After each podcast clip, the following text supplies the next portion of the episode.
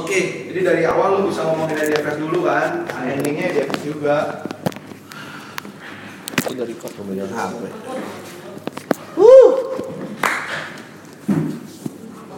Sudah siap?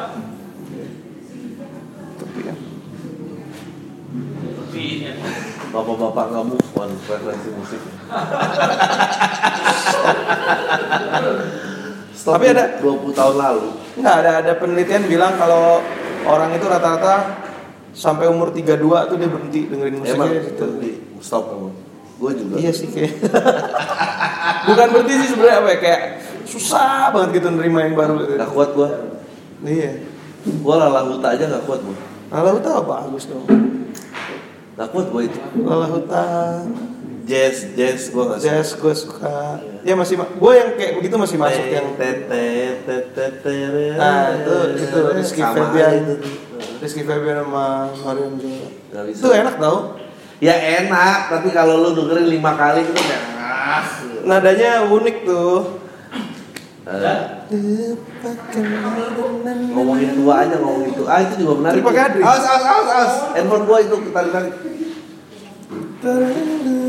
Nggak itu juga menarik tuh. Nggak ini ini keren banget ya udah mulai kehabisan network artis dia lagi dia lagi. Iya. Waduh. Gak dong ini kepentingannya promo. Ini ada promo. Eh, kita langsung dulu nih. eh, jangan lupa saksikan Idea Fest tanggal Idea Fest Idea Festnya sendiri sampai tanggal 3 sampai 6 Oktober. Ya, tiga empat lima enam tanggal 4 empat Oktober ada yang spesial. Idea Fest komedi. Idea Fest komedi Majelis Lucu Indonesia. Eh, harga tiketnya tiga ratus tiga puluh ribu bisa dibeli di Ideafest.id. Idea Fest ID di website kita bisa.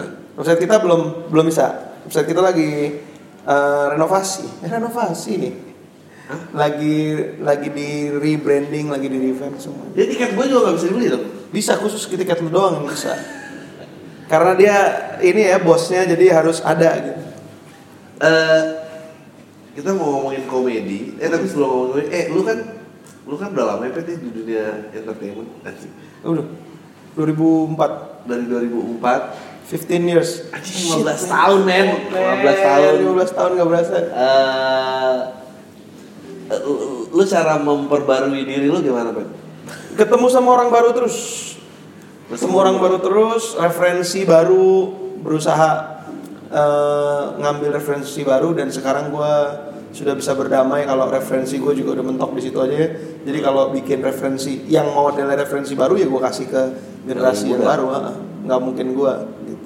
hebat juga ya makanya paling referensi lama tuh masih kepake buat bikin eh apa eh nyanyian Emily itu apa Wah, Emily hanya bercanda. Emily just kidding. Emily just Just kidding kidding. Bentar lagi rilis by the way di Hah? Spotify. kita mau dari single Yes, music apa uh, Apple Music semua ada.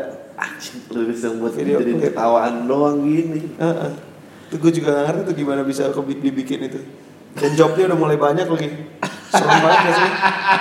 Dengan angka yang agak ih, nah, nah, nggak masuk akal, nggak masuk akal. Emang barang bagus tuh susah banget dijual di Indonesia. susah men gampangan cemoohan Iya, gampangan yang gitu-gitu tuh gue harus akui. Harus aku itu. Gue sedih sebenarnya. Gue kayak bilang gue anak ini kalau kalau misalkan ya ini doanya kan kita meledak kayak gitu ini single gitu.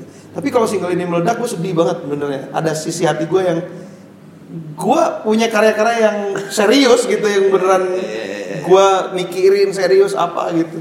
Makanya gue tuh suka nggak tapi emang gitu sih. Maksudnya nggak semuanya marketable sih memang. Yes eh anjing gue aja mengakui perjalanan karir gue tuh buat gue cing gitu. Kesannya gue barang bagus. Nggak tapi itu bener nah, iya, tapi itu bener Tapi susah benar, benar, ya. itu kayak gue gak ngerti gimana cara jualnya kemarin tuh orang sama gue dulu kayak eh Orang tuh CEO-nya Famous All Star. Iya. Dri, kenapa sih eh, nggak lu aja di forefront dan lu yang ambil gini-gini gini semua nih masih kalau di ruangan ini aja karena kita kemarin ada ada ya that's our di- plan kan eh, di- ya, ya, kita dinner dinner di pelaku industri gitu Nah. ya. If there's anyone ya mungkin ya tapi gimana? Iya, gimana makanya caranya? yang itu kita itu tugas gua dan teman-teman yang lain untuk untuk mengangkat itu. Makanya kita akhir-akhir ini kan kalau lihat ada Tode yang pintar terus kita udah mulai bikin regular show dengan hostingnya adalah ada Dodo Kalbi gitu. Karena menurut gua memang banyak orang yang belum sempet denger dia sebagai komedian gitu. Kan di Surabaya the way temen gue ngangkat-ngangkat. Oh bagus. Ah, ah. dia seumuran di atas gue lah. Eh. Jadi emang udah agak itu ya berumur gitu ya. Terus kemarin waktu di kita coba bikin reguleran naked comedy juga hampir semua bapak-bapak seumuran gue ketawa sampai nangis-nangis ngeliat Adri karena kayak kayak shit that's me man that's me gitu terus nunjuk ke temennya gitu Itu nggak laku temennya dan apa dan segala macam. iya Eh, lu sendiri ketertarikan sama komedi udah lama? sebenarnya udah lama banget dari kecil malah Oh. dari kecil tuh gue berawal dari kaset dulu PSP gitu. bukan Apa? Eh, Jojon Oh iya iya. iya. Jakarta Group terus ada Sri Mulat Sri Mulat sih sebenarnya yang yang bikin gue Ya gue juga. Ah, kayaknya. Sri Mulat ya kita habis itu agak gedean baru ngelihat warkop kalau warkop tuh kan soalnya anak-anak kan masih belum belum bisa ini Apa? dan gue kecil kan karena Jawa ya jadi Kartolo CS gitu tuh gue masih sampai sekarang gue masih punya tuh kaset-kasetnya Bagito Ya. gitu. Uh, kemarin gue sempet syuting sama uh, Kang Unang pertama kalinya gue ketemu sama dia juga gue bawa tuh kasetnya dari tangan. Anjing. Eh, eh, ya itu memang eh, era 90-an awal gitu semua punya panggung masing-masing. Ya, kaset terus di TVRI TVRI, ya kan ya. TVRI dulu uh, wah banyak kan kolaborasi kayak surah apa Jakarta Group Ya. ketemu Sri Mulat ketemu Bagio ketemu Ateng Hmm. ketemu Iskak gitu Terus sama dulu ajang pencarian bakatnya juga lumayan Iya, tapi itu gue nggak terlalu ngikutin sih. Iya. gue taunya waktu itu eh, Narji.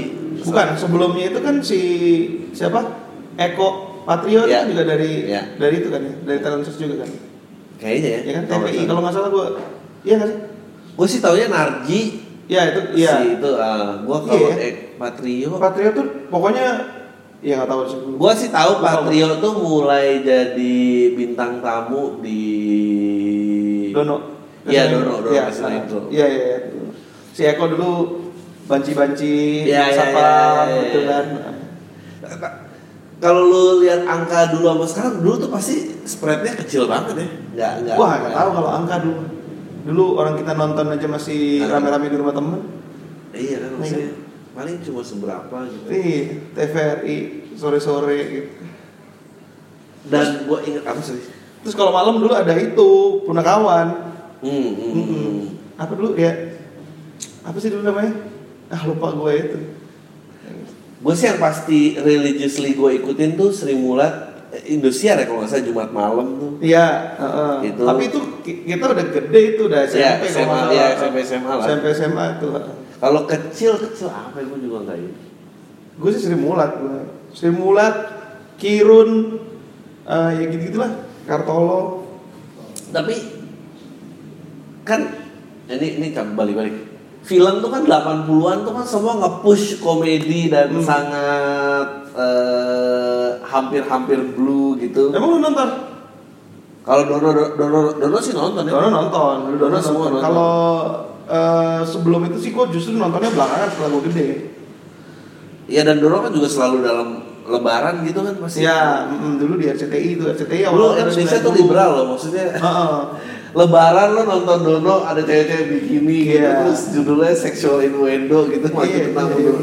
Dan lo ditonton keluarga dan semua baik-baik aja gitu. Coba kalau sekarang, coba kalau sekarang men, kalau Sekarang di kalau belakang. SpongeBob aja di sensor ya. Oh by the way gue besok Si suka aja di sensor. Apa tuh? Q&A sama Metro, gue panelis, Bagus lah. gue hajar aja lo. Ih, KPI-nya bilang TV-nya yang lebay, TV-nya bilang itu aturan KPI, men. Iya. Lingkaran setan. Eh, Luar, luar. Enggak, tapi tapi enggak, tapi tapi nasib-nasib komedian itu kenapa banyak yang naas sih? Eh, Eh enggak ya. gua tahu. Emang susah ya? Maksudnya Gila tuh kan? Ya enggak tahu lu kan, lu kan, di dunia entertainment. Aduh. Lu kan di dunia. You talking about drugs atau apa nih? Economical Ekonomikal lah, Economical ya. Kalau Apakah economical, karena nah. sistem Nah kalau sistem economical kayaknya gue gue bisa jawab nih karena waktu itu Hmm. gue sempet ngobrol panjang lebar sama sama Pak Agung Gumelar. Hmm. Jadi Pak Agung itu kan dia kayak apa ya kayak Jangan ngomong drugs, drugs sama personal use. Iya makanya dia kayak eh, apa? kalau nggak salah dia konsultan kayak konsultan buat si Paski juga deh kalau nggak Hmm. salah gitu. ya. Jadi eh, memang menurut gua sih yaitu ekosistem industrinya memang nggak kejaga gitu.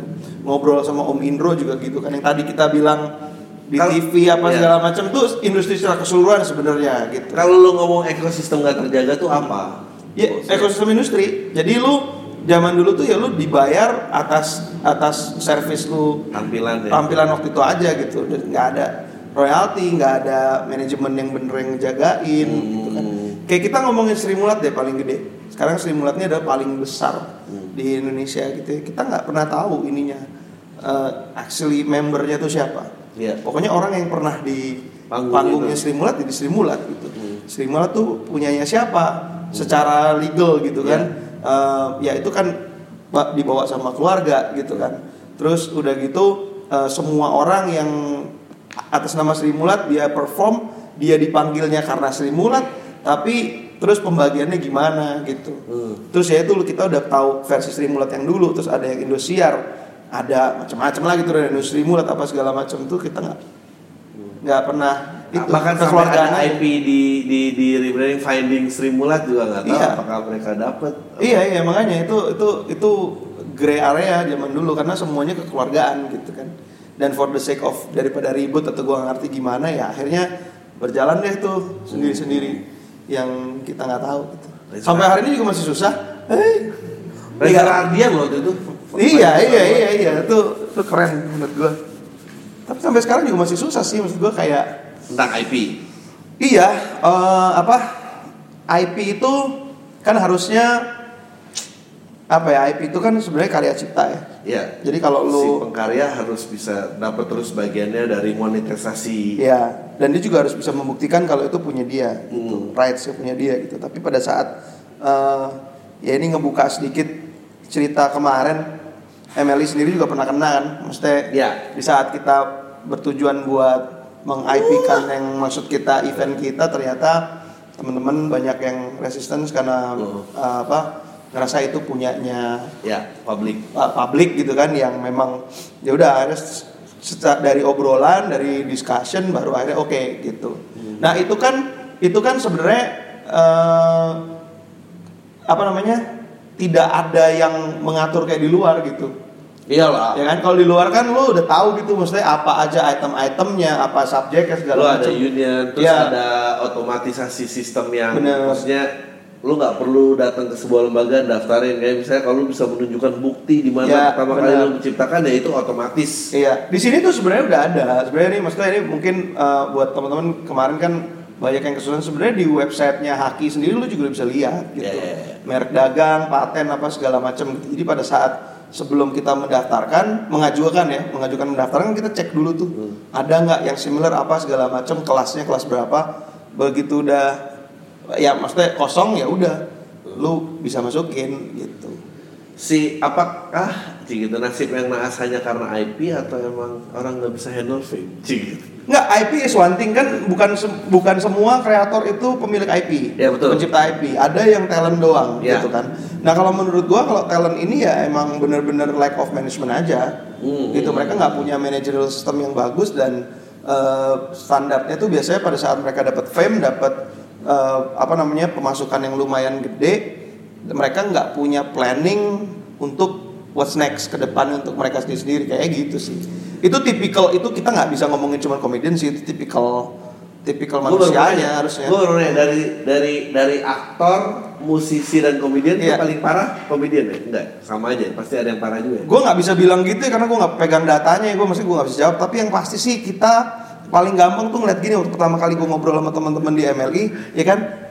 Obrolan gue pertama adalah lu sadar gak sih berapa banyak kita bikin charity untuk teman-teman atau senior-senior kita yang sakit? Di musisi atau apa sih maksudnya sekelas almarhum Krisya pun kita pernah melakukan itu gitu. Iya, iya, iya. dan kita semua nggak ada yang bisa ngerti jeroannya what's wrong gitu kan? Nggak tahu. Tadi mau jawab, kayaknya kalau komedian paling kasihan tuh yang jelas kalau peliputan media entah kenapa yang komedian pasti paling naas. Kayak dibanding musisi gitu yang kismin sama komedian kismin tuh pasti kayak anjing gimana tuh komedian. Tapi being komedian maksudnya gue di MLI gue jadi belajar sih maksudnya gue emang berat banget sih menurut gue teman-teman komedian tuh hebat banget. Musisi itu mereka perlu pemikiran yang luar biasa, kolaborasi untuk bikin satu musik Ya. tapi musik itu bisa apa ya long lasting sampai berpuluh-puluh tahun sampai Iya. sampai puluhan tahun Iya. gitu. Sedangkan komedi lu effortnya sama, lu nyiptain sesu- sesuatu, lu Habis bikin pakai lagi. satu, dua, tiga kali, empat kali udah kelar gitu. Jadi emang apa ya? Emang beda sih ininya. Tapi ya beda lah kalau di US mungkin hampir mirip kayak musisi karena kayak satu spesial mungkin bisa 100 titik gitu. Ya satu kotanya banyak. Banyak kok. Kita Jakarta doang yang paling gede. Abis itu Mirip-mirip. Sisanya iya, terus teman-teman juga banyak yang belum terbiasa dengan bayar tiket mahal untuk comedy show gitu. Banyak banget yang nggak tahu, banyak banget teman-teman. Gua sampai hari ini banyak banget kayak setiap kali kita punya show MLI ada satu, tiga orang, lima orang yang datang itu pertama kali mereka experience. Oke gini tuh stand up comedy gitu. Iya, Dan iya. mereka seneng banget ternyata gitu. Tapi lu lu ngeliat, ngeliat- lu ngeliat musisi sama komedian lebih tersiksa mana jiwanya? Ya orang-orang lebih terganggu. Jiwanya. Lebih Oh ya, komedian. ya? komedian sih. itu jelas sih. itu jelas sih. Gua gua kayak ada gua yang belajar dari Adri nih kayaknya. Jadi maksudnya kita kita bilangnya broken soul. Maksudnya kayak kalau lu nggak punya keresahan itu lu nggak akan mungkin lucu gitu. Jadi akhirnya gua kayak semakin lucu nih orang semakin ngeri gitu. Nah, makanya waktu itu semakin gua apa namanya? Semakin gua seneng sama joke dia, gua semakin kayak oke lu kenapa sih sebenarnya gitu kayak, kayak Yo, yo cerita ya, cerita ya. menurut gua menurut gua ada yang mirip aduh kemarin tuh gua menurut gua ada yang mirip ada orang yang ngerti eh, craftsmanship dan menurut gua itu tanggung jawab si penampil bagaimana dia meyakinkan audiens bisa mengaburkan line itu antara realita dan dan fantasy. Menurut gua it- itu trik itu tugasnya penampil. Nah. mau musisi, mau aktor, mau komedian, mau siapa pun. Nah, itu yang pengen gue tanya sama lu malah. Oke. Kalau ini di musik ya gue nggak tahu kan di komedi. Kalau di musik itu kayak gue gitu contohnya. Gue belajar banyak dari Dewik. Hmm. Eh, kita tuh pada saat kita bikin lagu, kita bisa bikin lagu spesifik untuk orang itu. Ya, Atas dasar pemikiran dan curhatan dan Ya. masalah orang itu, kita bikin lagu untuk itu. Ya. Kita create something, kita craft something yang sesuai dengan Hmm. eh, perasaan yang yang Ya. bisa relate ke Lo, pendengarnya. lo, lo ada ada pencipta lagu, ada pembawa lagu. Iya, misalnya. uh, jadi gue bisa ngebayangin, oke kalau gue cewek, nih terus gue disakitin, terus Ya. gue gimana gitu. Kalau kalau komedian ada nggak sih yang gitu? Maksudnya kayak dia crafting tuh US, emang aja. US scale ada. Ada ya? Maksudnya eh, Stand ini ngomongin spesifik stand up ya? stand up. Jadi kayak Wanda Sykes itu dulu penulisnya Chris Rock. Oke. Eh, si Larry David penulisnya Larry David, ya? penulisnya Seinfeld.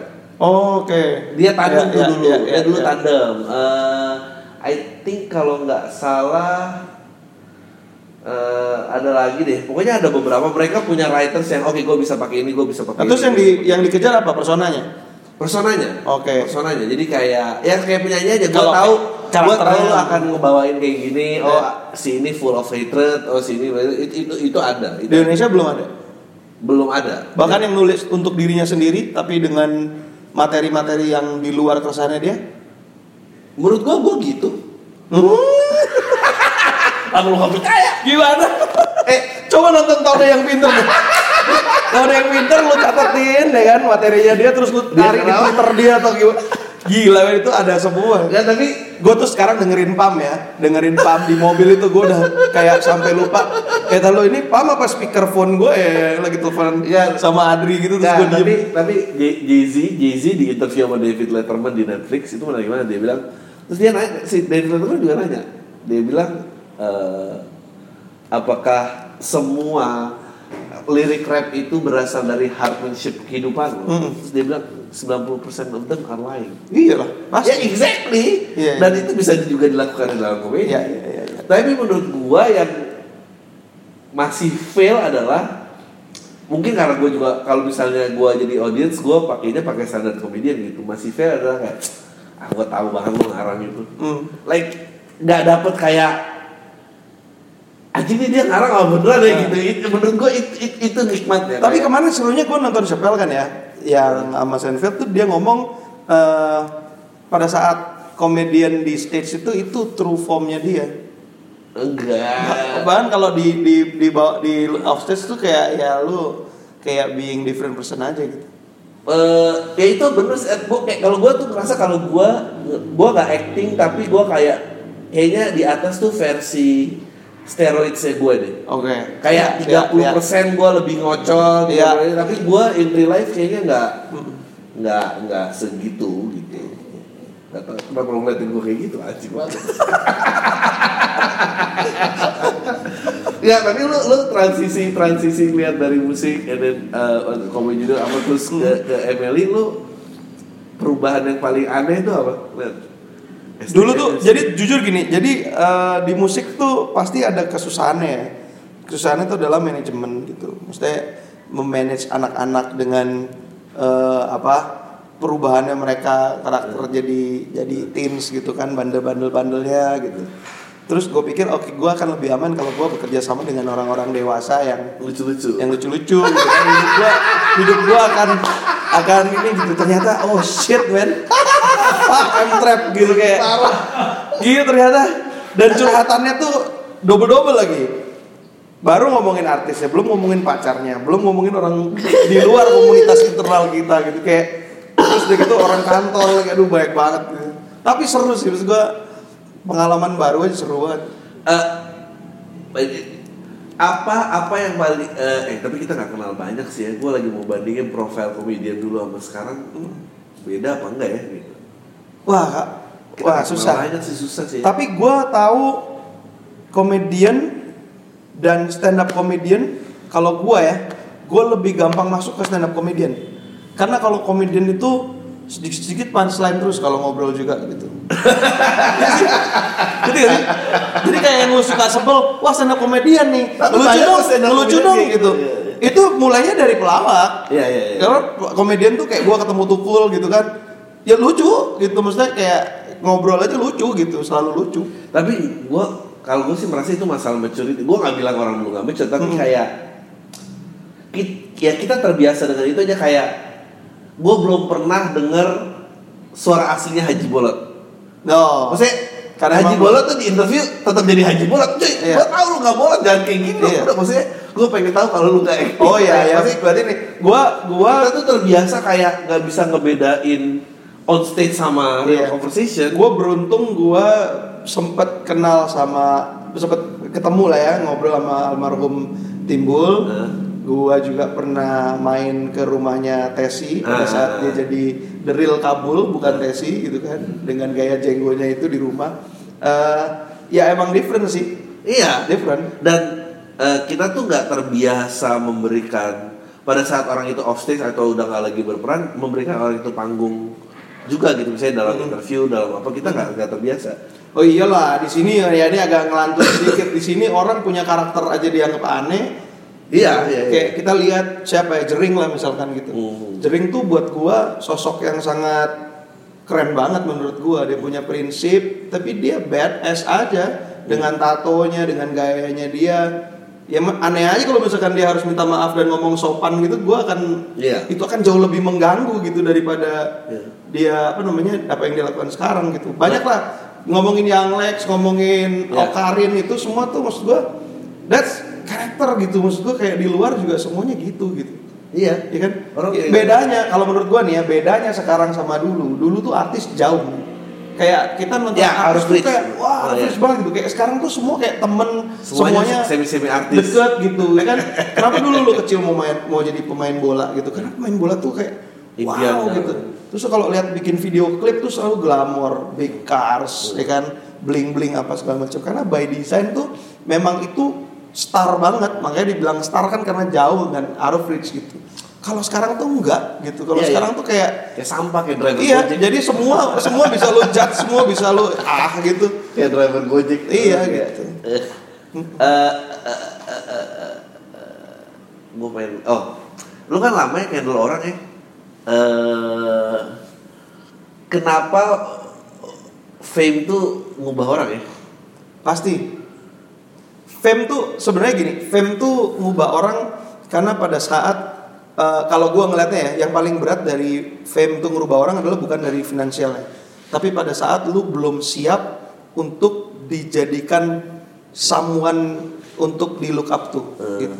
Jadi tiba-tiba kayak lu ngomong semua orang dengerin gitu. Iya, iya, iya. kayak semut jadi kayak lu ilmunya ilmu lu belum nyampe nyampe banget tapi lu harus di di address di situ gitu tuh itu memang apa ya itu memang ngerubah orang sih gitu Itu eh, yang introvert dipaksa ekstrovert ya kan Iya, iya, iya. yang ekstrovert jadi harus lebih lebih Iya. wow lagi gitu gitu dan kadang-kadang itu bikin mereka lupa diri mereka tuh siapa mikronya gitu lu ada kasus parah nggak yang bisa lu ceritain?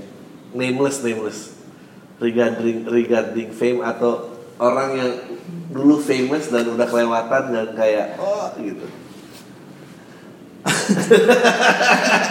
Eh, langsung muncul ini, teng- ini, ini, gitu. ini, ini harus jadi salah satu menurut gue ini salah satu salah satu topik Ada talks. Ya ya. Dia ada ya, face ya, ya, ini ya dia ada face discussion ya.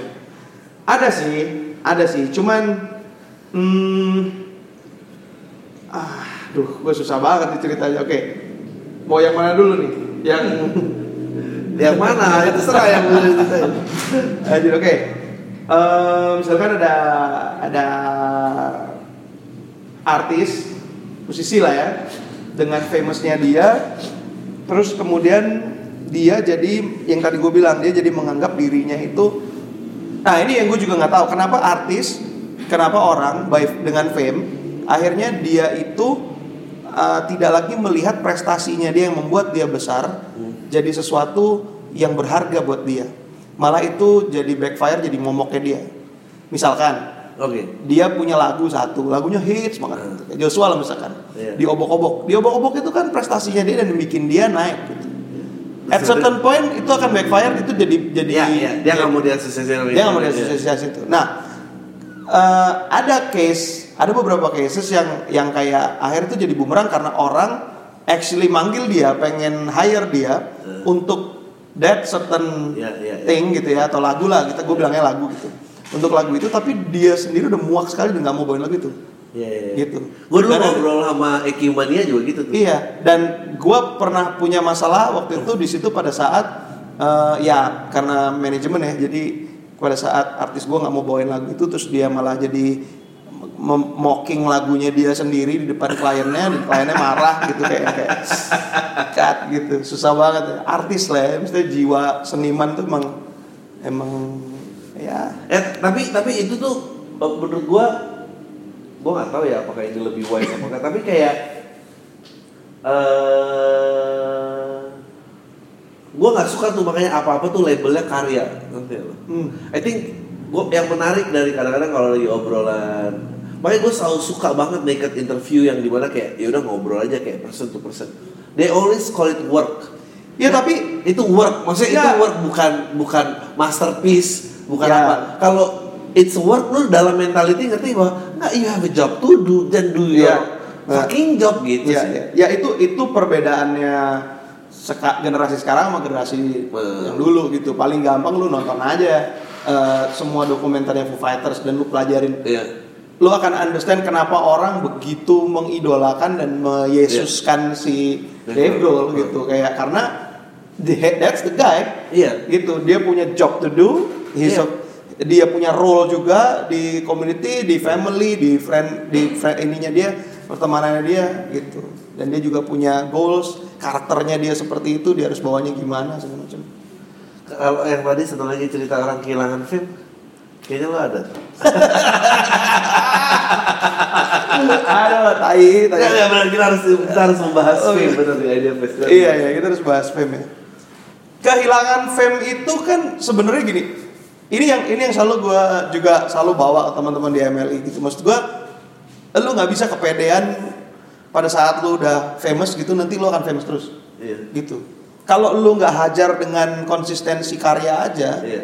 Ya kan eh, maksudnya lu hajar dengan konsistensi karya aja lu bisa tetap turun gitu Iya. apalagi kalau enggak gitu Iya. udah gitu lu nggak punya persiapan buat masa depan lu gitu kayak muslim dengan bunyi-bunyiannya itu Ya. gue kemarin lihat lagi Coki udah. "Uh, apa sih gue? Kayak dia anak-anak mencoba apa lagi kayak hit and run gitu gitu, gitu kayak wah kayaknya ini works nih kalau works kayak gitu lucu banget anak-anak gitu. Gitu menurut gua itu udah males banget iya. Nah eh, banyak banget yang gini ya ini gue cerita sedikit deh. Akhirnya pada saat lu famous karya lu berkurang, lifestyle lu tetap di situ. waduh iya. Nah itu yang bahaya. itu yang bahaya. Pada saat lu eh, apa berada di posisi itu karena positioningnya cuma satu.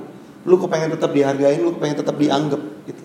Itu doang. Jadi akhirnya nanti begitu lu udah nggak punya duit lu akan mengalahkan segala cara. Habis itu dengan semua kasus-kasus lu memaksa lu untuk hilang gitu karena udah terlalu malu apa segala macam lu hilang gitu. dan itu sedih banget buat gua sedih banget karena gua nemu beberapa kasus yang kayak gitu banyak banget yang teman dekat gua dan banyak lumayan banyak kasus Ya, gue banyak banget nemuin kasus kayak gitu dan menurut gue gue sedih banget karena masih banyak potensial yang bisa digali dari situ gitu. Iya, iya, iya. Gitu. Jadi gue eh, apa namanya? Gue tuh ada momen nggak tahu berapa tahun lalu tuh gimana? Gue tuh sering ngobrol sama teman-teman yang dulu famous tapi terus sekarang struggle mau ngapain. Iya. It breaks my heart man. Itu kayak gue kayak duh gue bisa ngapain gitu maksudnya dengan Iya. kapasitas gue juga eh, segini doang gitu kan nggak bisa lebih gede lagi gitu mau gimana gitu. Lo harus nonton itu filmnya Adam Sandler judulnya Funny People. Ini people. Jadi dia Iya, cerita tentang orang yang udah famous, terus dia udah males ini, akhirnya dia nge-hire orang writer aja buat jadi Iya. dia. Terus dia lama-lama terancam sama, ini kok writer gue jadi lebih lucu daripada gue. Iya. Dan dia berusaha mengestablish gue lebih dominan daripada dia dengan uh, nidurin cewek-cewek yang dia deketin Iya. dan apa. Dan padahal sebetulnya dia tuh orang yang kosong aja gitu. Iya. Hmm. Aduh, itu bagus banget itu. Gue tadi bilang ngomong apa ya? Eh, tapi tapi efek gue tuh kan gue juga merasa gue merasa ya kayak lo gue tumbuh di mana anjing artis tuh jauh banget gue nggak pernah ngimpi ada di sini gue dulu cuma pengen sekolah di dekat komplek gue tumbuh gitu. Eh, kerja di kelurahan dan mati di tanah wakaf komplek. Sumpah itu cerita gue itu cuma kayak gitu doang. Karena gue marah sama bokap gue itu kayak kenapa kita pindah ke sini? Kenapa ada sekolah negeri di belakang komplek itu? Eh nggak apa-apa di situ aja. And then nggak tahu kenapa tiba-tiba here I am. Dan eh eh, fame itu gue ngerasain adiksi yang luar biasa sih kayak eh yang tadinya gue sulit memperkenalkan diri sek- sekarang orang oh, tahu gue tuh Iya. stand for something gitu dan itu Be- beda orang sih kalau gue memang kalau gue ya gue bukan artis karena gue memang senangnya di belakang gitu gue tidak terlalu menikmati film gue tidak menikmati gue juga sekali. di belakang cuy Iya. cuma gara-gara stand up aja nih nah, gue gue tuh kayak gue sama kayak lo. Maksudnya gue mimpi pun enggak gitu. Gue bisa bergaul sama musisi-musisi Iya, yang iya, gue iya. grow up with gue suka banget gitu jadi temenan gitu. Ada momen di mana gue tuh bi- apa namanya kayak gila overwhelmed banget bisa kenalan sama anak Salon Seven gitu. Hmm. terus tiba-tiba at the same time gue sama anak Salon Seven bisa duduk bareng dan kita sama-sama mengagumi dan bingung kok bisa ya kita ada di sini? Pada saat kita ngobrol sama Ari Lasso gitu itu gitu kayak step step step gitu gitu. Dan sampai sekarang gue juga masih nggak percaya kalau misalkan gue sampai sekarang gue udah bertahun-tahun kenalan sama Mas Ari gitu. Gue pulang dari rumah Mas Ari kayak pembahasannya tuh nggak ada kerjaan pembahasan tentang hidup apa segala macam tentang hobi kita. Pulang tuh anjir gue dari rumah Ari Lasso lagi gitu. Itu kayak kayak masih masih ada gitu. Itu gue juga aneh banget. Cuman ya itu yang menyenangkan dan gue seneng banget gitu bisa ngelihat ngelihat itu gitu ngelihat posisinya. Gue tuh nggak tahu kenapa ya gue paling seneng seneng Ari, banget. undang dong Ari undang dong. Mas Ari ya, itu, Mas Iya Ari. dong. ke spesial saya. pam Enggak spesial spesial. Oh kan spesial sih ya boleh, Nggak, boleh. spesial dulu. Iya. Udah kagum baru ketemu di sini. Kayak gitu ada ada taktiknya gue nggak bisa gue langsung pinter gue Iya, ya gitulah maksudnya gue ngelihat apa ya fame itu apalagi di komedian gitu ya. Sekarang tuh masih bingung gitu karena eh, oke ngomongin paling gampang deh komedian stand up komedian dengan special show-nya gitu. Untung banget ada Panji dengan komika apa ID. komika ID-nya gitu. Maksudnya lu bisa download di situ. Iya. Orang-orang sekarang udah mulai aware dan udah mulai Iya. invest more di Iya. di video apa segala macam. Kemarin by the way belum lama gue lihat ada komedian namanya Kumar. Da, yang ada di LOL Asia kemarin kan gitu. Lucu banget Singaporean komedian. Hmm. Eh, he's a drag queen. ya ya ya tahu gue He's 50 iya dan he's been doing stand up since like gak tahu 10 mungkin belasan tahun puluhan tahun mungkin dan gue baru tahu sekarang Iya. gitu kayak maksudnya kayak itu kalau lu nggak sadar medianya lu nggak sadar improve gimana caranya lu bisa leverage lu sendiri gitu ya baik lu sendiri atau dibantu sama orang lain ya lu akan terkungkung di situ doang. Yang jadi masalah sama talent di Indonesia kebanyakan, baik musisi, komedian, apalagi kan mereka nunggu job. Ya. Mereka nunggu job. Makanya that's why waktu itu gue pertama kali ketemu sama Muslim Coki sama lu segala macem bikin event yuk gitu. Iya. Bikin eventnya sendiri gitu kan. Maksudnya yang kecil-kecilan kita coba, kita coba jadi gede jadi gede. Iya. Nah hari ini kita juga ngobrolin ada fest komedi, gue juga masih overwhelmed banget gimana ceritanya kita bisa sampai sini gitu kan. Iya. Ada gue ingat banget dari Pomi kita ke Mahalucu, dari Mahalucu terus gue kerja sama Mas Said kan. Itu kita bikin lokal, lokal stand up day satu pertama. Habis itu kemudian terus terus terus sampai jadi show show show show yang nggak nggak nggak pernah berhenti ini gitu kan kemarin kita juga habis eh, ngelebarin sayap komedi Sunday kemarin Ya. teman-teman komedi Sunday hanya dalam kurang dari 24 jam eh, mereka comeback setelah berapa setahun ya kalau nggak salah ya setahun mereka nggak bikin acara terus mereka comeback dan mereka jadi gede banget gitu setelah eh, apa namanya platformnya sekarang dibantu sama Emily juga. Dan menurut gua itu tuh bukan bukan MLI Ya. karena menurut gua MLI hanya kayak bantuin Wadah ngerapiin apa namanya marketnya doang. It's always the comedian it's always the talent Hmm. gitu. Eh, yang lucu. Hmm. tapi secara nggak sadar ya tapi secara nggak sadar itu ngebus mereka. Ya. Dulu gua sama Adri waktu pertama kali kita decide untuk kita bikin PT UMLI itu kita punya kayak semacam bukan visi misi apa semacam doa lah doa. Adri waktu itu bilang orang kalau mau sukses tuh harus makmur dulu. Hmm. Makmur dulu baru sukses. Kita selalu itu dulu yang kita kedepanin gitu. Ternyata benar sampai hari ini semua teman-teman yang tidak punya masalah dengan Iya. dengan apa namanya apa ya rutinitas kehidupannya gitu Iya. finansial segala macam mereka bisa lebih fokus. Dalam bekerja apa segala macam. Gitu. Eh iya sayangnya. Ya, ya komik gua rasa industri sama menderitanya komedian juga. Eh, ke- ke- ke- kenapa musik bisa survive ya? Maksudnya su- enggak. Industri udah besar udah gede. Udah ya gede, udah lu gede. punya label lu Iya, punya iya, iya. semua lah TV ya kalau musik kita udah gede banget lah. Padahal musik aja nih sekarang nih masih punya banyak masalah Eh, kita tuh masih ketinggalan banget sama di luar. Kita belajar dari Beatles ngomongin soal share dan royalti Iya. hari ini kita masih ya, ya. berantem dulu gitu. Dulu kalau nggak ada Bob Geldof kita nggak Oh, nggak iya. ada nggak tahu gimana. Ada yang tahu pasti Bob Geldof siapa. Bob Geldof itu adalah nonton film ini lagi apa? Eh, Queen Queen. Bohemian Rhapsody. Ya eh, I don't like Monday itu Bob Geldof. Eh, Iya.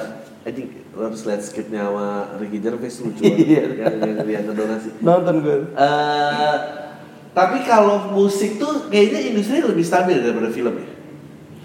well s- dibilang stabil secara exposure masih iya stabil tapi secara finansial sih memang berubah banget sejak era digital ini Ah. maksudnya kayak lu dulu lu dulu kaset ke CD Ya. CD lu masih ada pembanding CD luar negeri itu 50.000 ribu CD lokal tuh 35.000 ribu terus lu masih dibedain sama musik barat. Musik Indo radio pun begitu ada hits maker ada hits player Hmm. ya kan?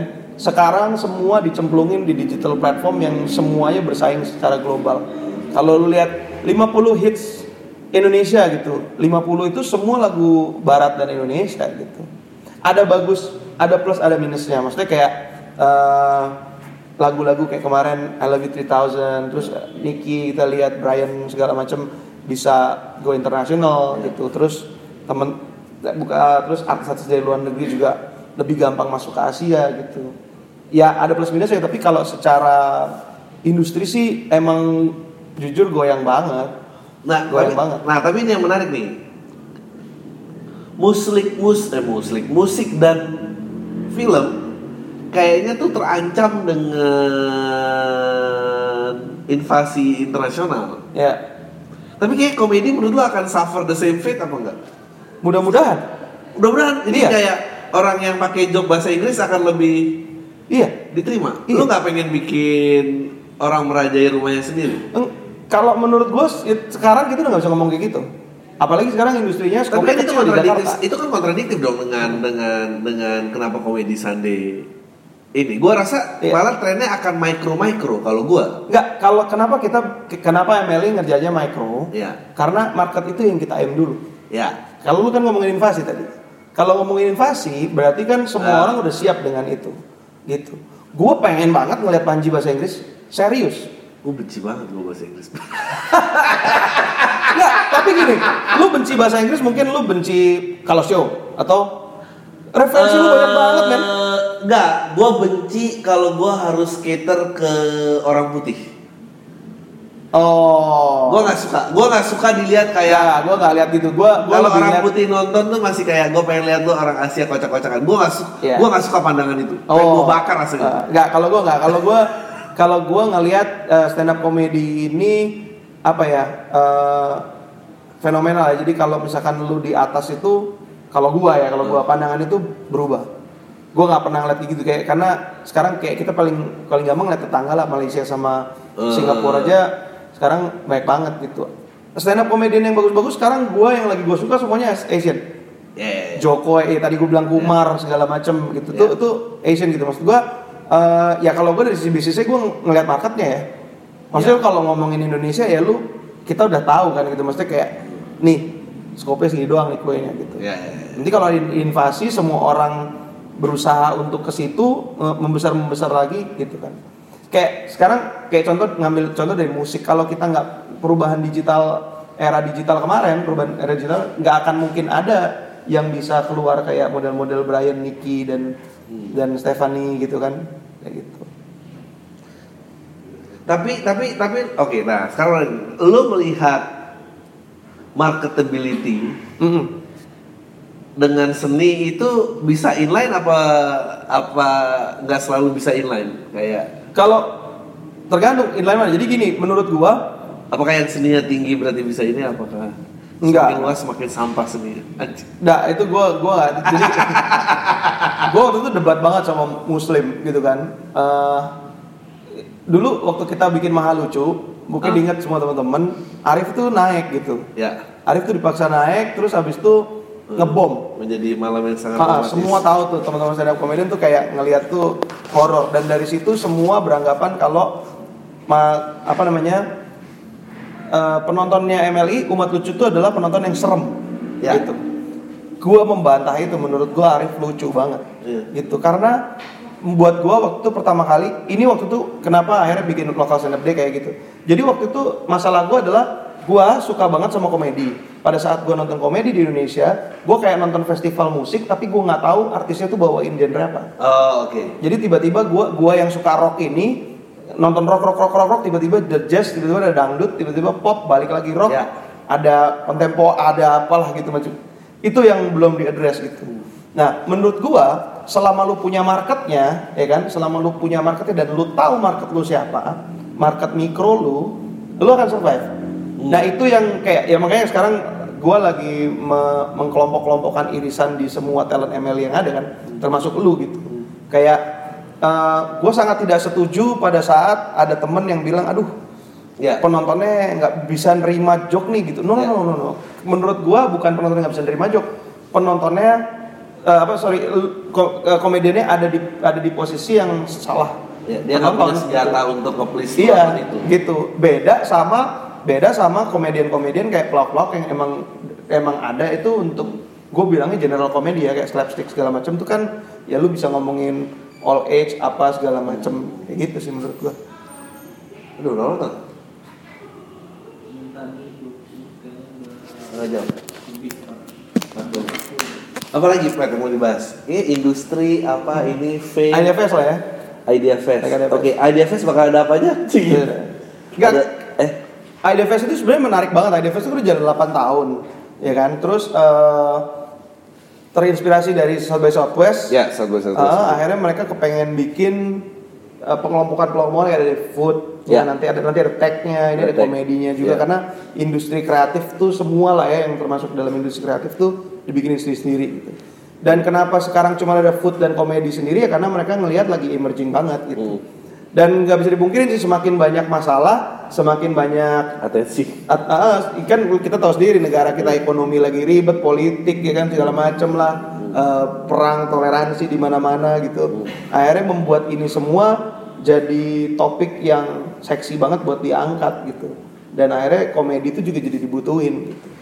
Idea Fest ini serunya adalah eh, kita punya 6 stage dan 6 stage ini semuanya cater segala sesuatu untuk orang yang butuh komedi. Gue jelasin sedikit ya. Misalnya yang pertama tuh kita punya komedi star show. Itu tuh nggak cuman mengcater orang yang nonton, tapi juga mengcater siapa pun yang mau naik. Makanya kita ada youtubers ada, artis ada, stand up comedian tentunya, ada musisi juga ada yang mencoba untuk stand up komedi. Terakhir ada Sri Mulat. Gitu. Ada musisi yang mencoba stand up comedy? Kiki, Oh, Oke. Iya. gitu kan. Uh, uh. Terus abis itu kita punya stage ini uh, comedy silence, komedi yang dibungkam. Itu kalau lu pernah experience silence disco, silent disco itu kayak gitu. Jadi nanti semuanya itu mendengarkan komedinya itu through headphones. Gitu. Itu kita di sana akan ngebongkar semua tentang sara, tentang segala macam yang yang biasa kita bercandain tapi di ruang lingkup itu. Udah boleh katanya. Udah boleh. Gitu. Soalnya kemarin ada yang begitu nggak minta maaf. Iya memang. Siapa yang gitu nggak minta maaf kan? Ustadz Oh iya benar. benar. sensor anjir, sensor. Edit. Eh tapi lo ngomongin si Kiki pindah ke komedi ya. tapi memang nggak nggak cuma di Indonesia di US juga sama loh. Maksudnya di, di worldwide itu sama. Komedi itu memang banyak menjadi last stopnya orang-orang. Ricky Gervais dia dulu penyanyi one hit wonder di tahun 80-an. Eh? Iya, Serius lu? ada singlenya. Wah, itu gua tahu, baru tahu tuh. gua. Jadi dia punya one hit wonder tahun 80-an and then the fame goes away. Eh, dia berusaha nyelamatin karirnya jadi penyiar radio and then he become a comedian. Oke. Jadi kayak Kalau kalau gua ke Kiki kenapa gua maksa Kiki untuk komedian tuh karena gua ngeliat Jamie Foxx. iya. Kebalik kalau gua gitu. Oh enggak gue kira Ah. bukan berarti karir musisi gitu. Eh, enggak, enggak. Eh, apalagi banyak kok kayak gagal acting atau dulu casting casting gak keterima. Andika Pratama kan lucu banget. Iya. Deji Confess gokil lucunya. Iya dia dia dari mana? Sih gitu. Gua. Dia pasti akan ngerasa lebih khawatir komedi. Oh, paling ini terakhir nih. Itu belum selesai itu. Oh, terus. Yang apa lagi tadi? Baru dua ya? Oke. ada ada talks, ada Enggak, kita ada. Jadi itu komedi stage-nya ada dua. ya Komedi Star Show. Star Show. Kemudian ada Silence. komedi silence itu yang unsensor. Terus ada tempat di mana semua penonton nanti bisa main bareng sama banyak komedian. Ya. Main Truth Order, main eh, apa namanya? Banyak banget. Ada Werewolf. werewolf, werewolf Indo juga ada macam-macam. Terus nyobain Les Kitchen kalau yang penasaran sama makanan-makanan sampahnya si Muslim Coki, eh si Muslim, kelihatan Muslim. Norit nggak mau tap in ya? Hah? Norit nggak mau tap in. Iya noret ya. Terus kombantrin gitu. Terus abis itu ada rootnya IDFS sendiri jadi talks. Tapi di sini talksnya kita beda karena talksnya kita akan ngebahas hal-hal yang Ya. yang emang emang edgy banget ya kayak misalkan joke TV sampah gitu. Tapi narasumbernya dari TV.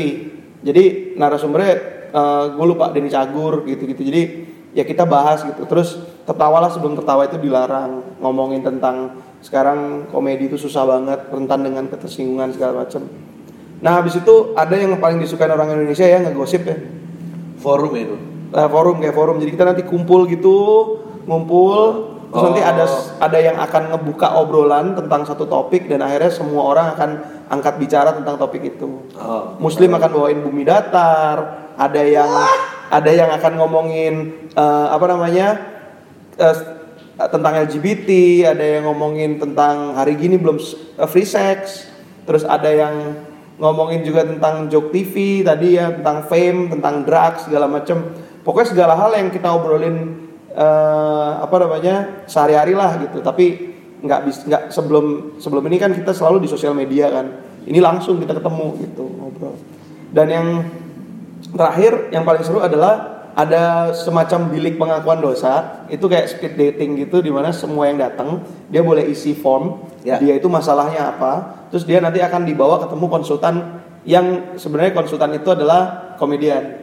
Jadi nanti semua masalah lalu akan dibantu lu curhat ke dia nanti lu akan dikasih solusi-solusi yang pasti akan menimbulkan kebahagiaan Itu bisa ditonton tapi ngaco nggak sih? enggak lah Oh. enggak itu kita bikin biliknya bener-bener bilik kayak bilik pengakuan dosa gitu Gue kira kayak lu nanti ada loh situ gue kira ada ini tau gak lo kayak prank-prank yang dia datang sendiri ternyata semua penonton nonton gitu. enggak enggak ada enggak ada kalau prank enggak gua kasih tau di sini dong Padahal lucu loh kalau nonton curhatan orang tuh.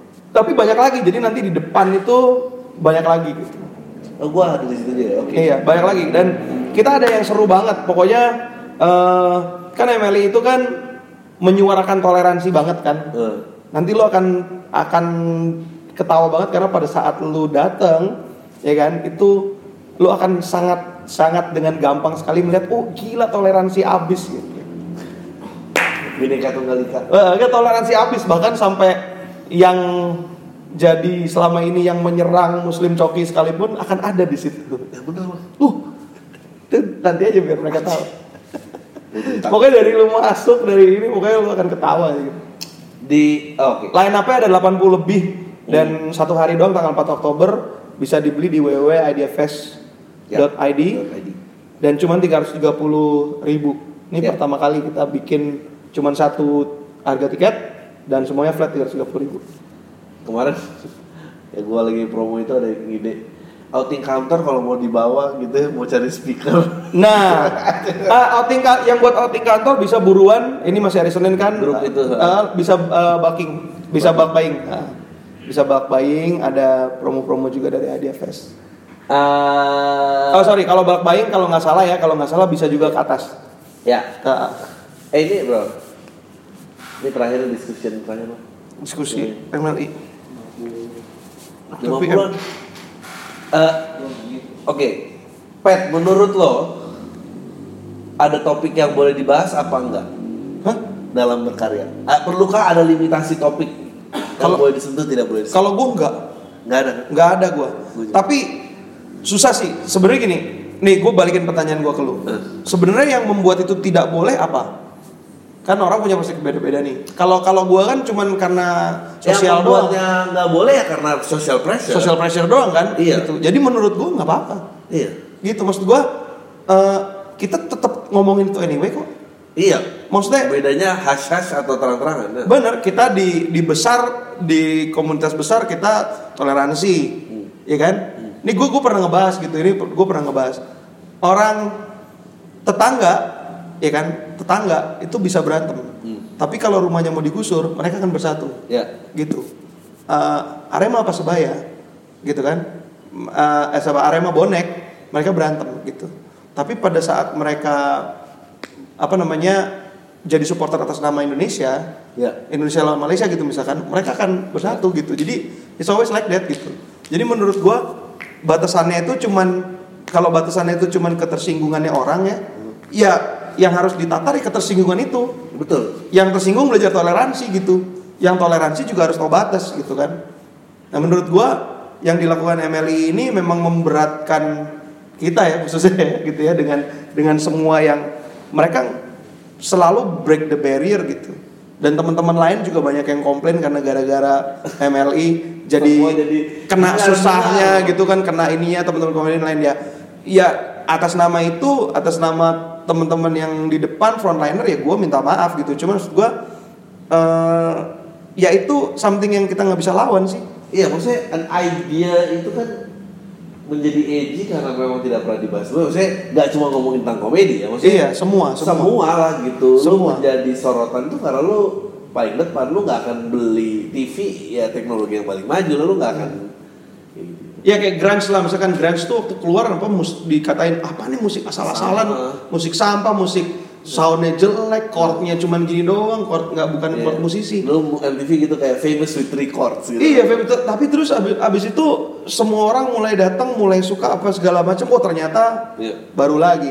Kemarin gue baru nonton video di YouTube lucu banget. Jadi anak-anak kecil react ke Blink 182 gitu. Ah. Eh, dan mereka bilang, wah ini keren banget. Ini kayak the first wave of punk gitu.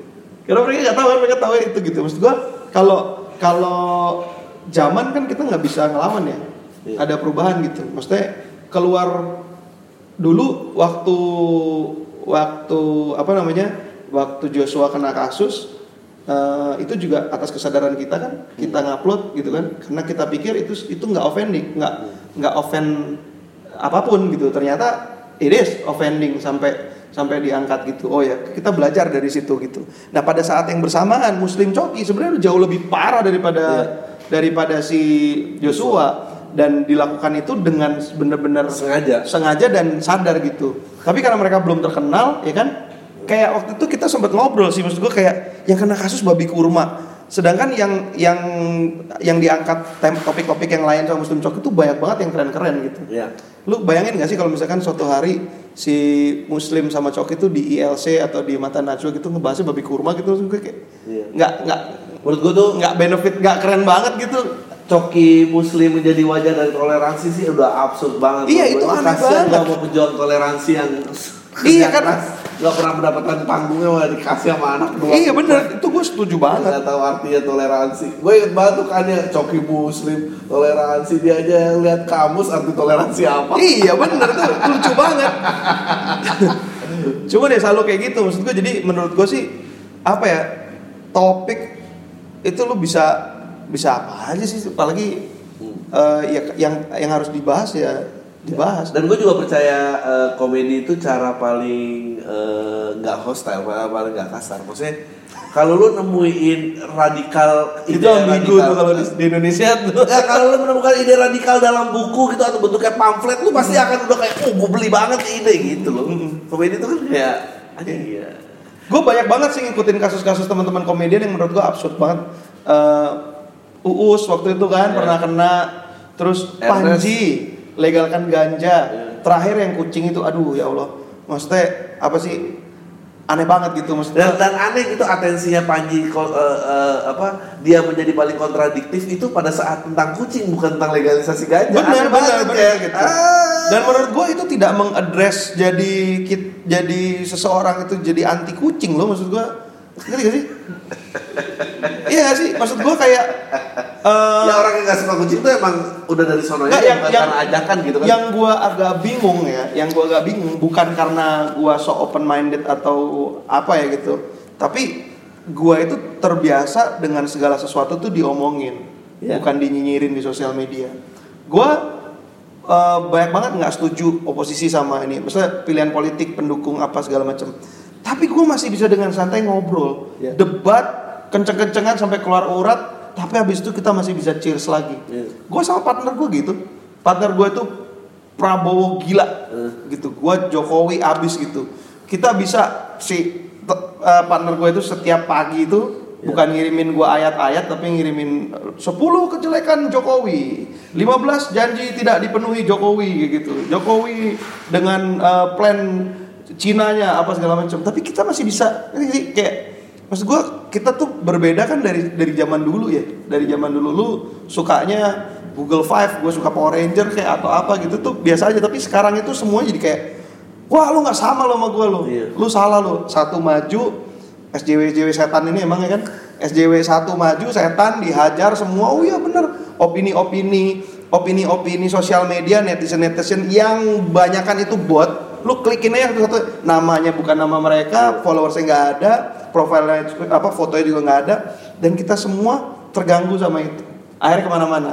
Tersinggung berantem eh, kasus eh, apa namanya pelaporan polisi. Ada yang sampai mental health lah apa segala macam depresi apa segala men gila. Maksud gua udahlah nonton ID Fest aja lebih santai Ya benar. Nonton ID Fest komedi aja Iya note yang bagus. Oke. nonton ID Fest komedi aja lebih kita happy happy ketawa ketawa ya kan lu akan kaget banget ada siapa aja di situ karena semua yang oposisi hampir semua yang oposisi ada di situ gitu dan kita cuman pengen bawa kalau ya it's life man maksudnya Ya. lu boleh Deal marah. Uh-uh. lu boleh marah abis itu lu selesai udah that's it belajar dari dari itu yang salah minta maaf ya kan yang yang benar memaafkan udah abis itu lu have fun lagi gitu Oke, siap.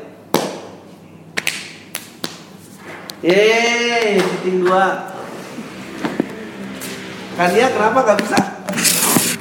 Kania kenapa gak bisa? Senin berarti Senin.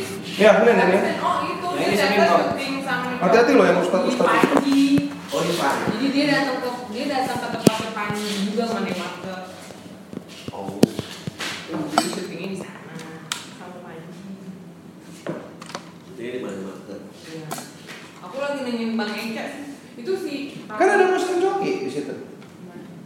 Di mana market jualan?